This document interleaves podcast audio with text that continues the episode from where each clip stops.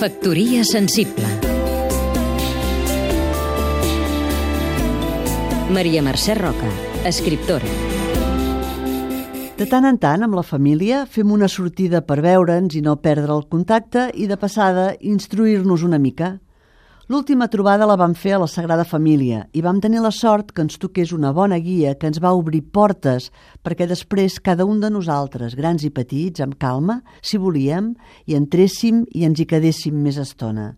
Símbols, signes, art, història, espiritualitat...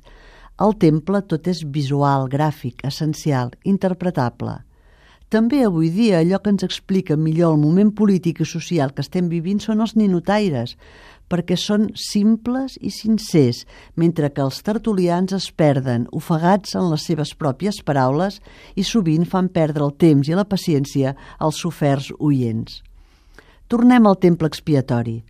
De cop, enmig la nau, a dalt de tot del bosc de columnes, tocant el cel, van aparèixer els quatre rosetons ovals de Domènec Fita, un per a cada evangelista, el de Sant Marc vermell, blau el de Joan, el de Mateu groc, el de Lluc verd.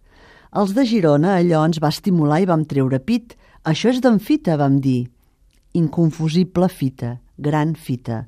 L'artista explica que va imaginar i crear els quatre rosetons que coronen les columnes amb la finalitat que Gaudí creixés, no per la seva glòria, sinó per la del geni primer, generós fita. Així és com ho fan els bons, els grans. Factoria sensible Seguim-nos també a catradio.cat